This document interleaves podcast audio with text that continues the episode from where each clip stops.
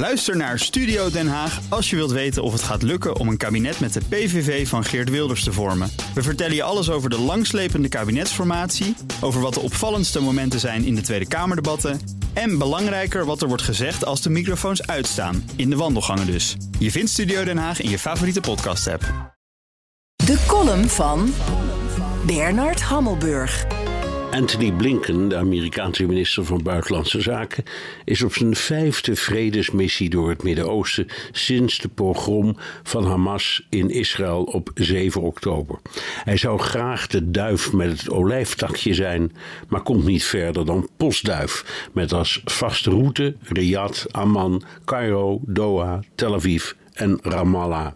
En met vaste dwarsliggers die zijn vredesmissie blokkeren, Ismail Hania en Yahya Sinwar, de roverhoofdmannen van Hamas, en Bibi Netanyahu, de zelfbenoemde verlosser van Israël. Hania, die veilig in Qatar woont, en Sinwar, die ergens in Gaza zit, eisen beëindiging van de oorlog voordat ze gijzelaars uitwisselen.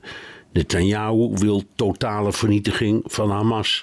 Het zijn beide waanideeën waarmee ze hun eigen volkeren ophitsen en misleiden.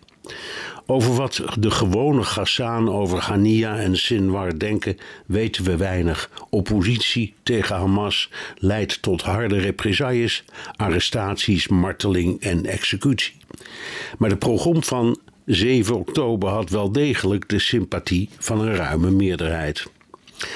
Hoe de Israëliërs over Netanyahu denken, weten we daarentegen precies.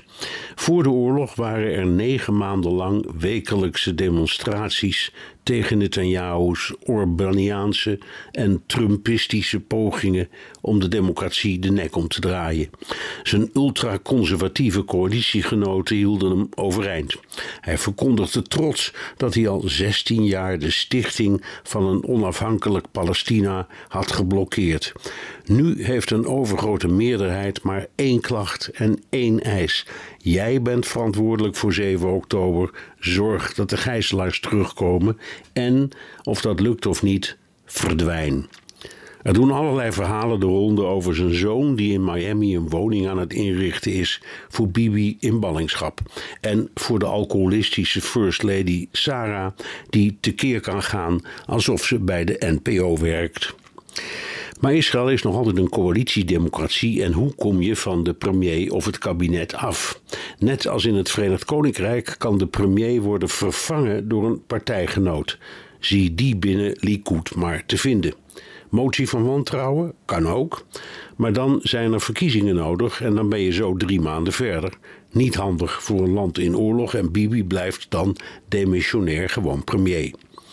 Het zou ook kunnen dat zijn collega's in het oorlogskabinet, Gans, Eisenkot en Galland, zich openlijk van hem distancieren en hem aan de kant zetten.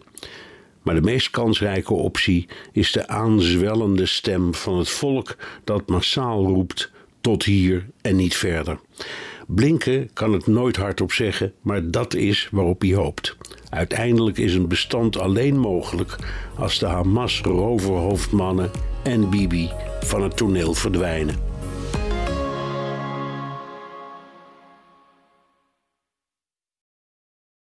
Ook Hugo Reitsma vind je in de BNR-app. Superhandig die BNR-app. Je kunt alle programma's live luisteren, breaking nieuwsmeldingen. Je blijft op de hoogte van het laatste zakelijke nieuws. En je vindt er alle BNR-podcasts, waaronder natuurlijk de belangrijkste, Boeken zijn in de wijk. Download nu de gratis BNR-app en blijf scherp.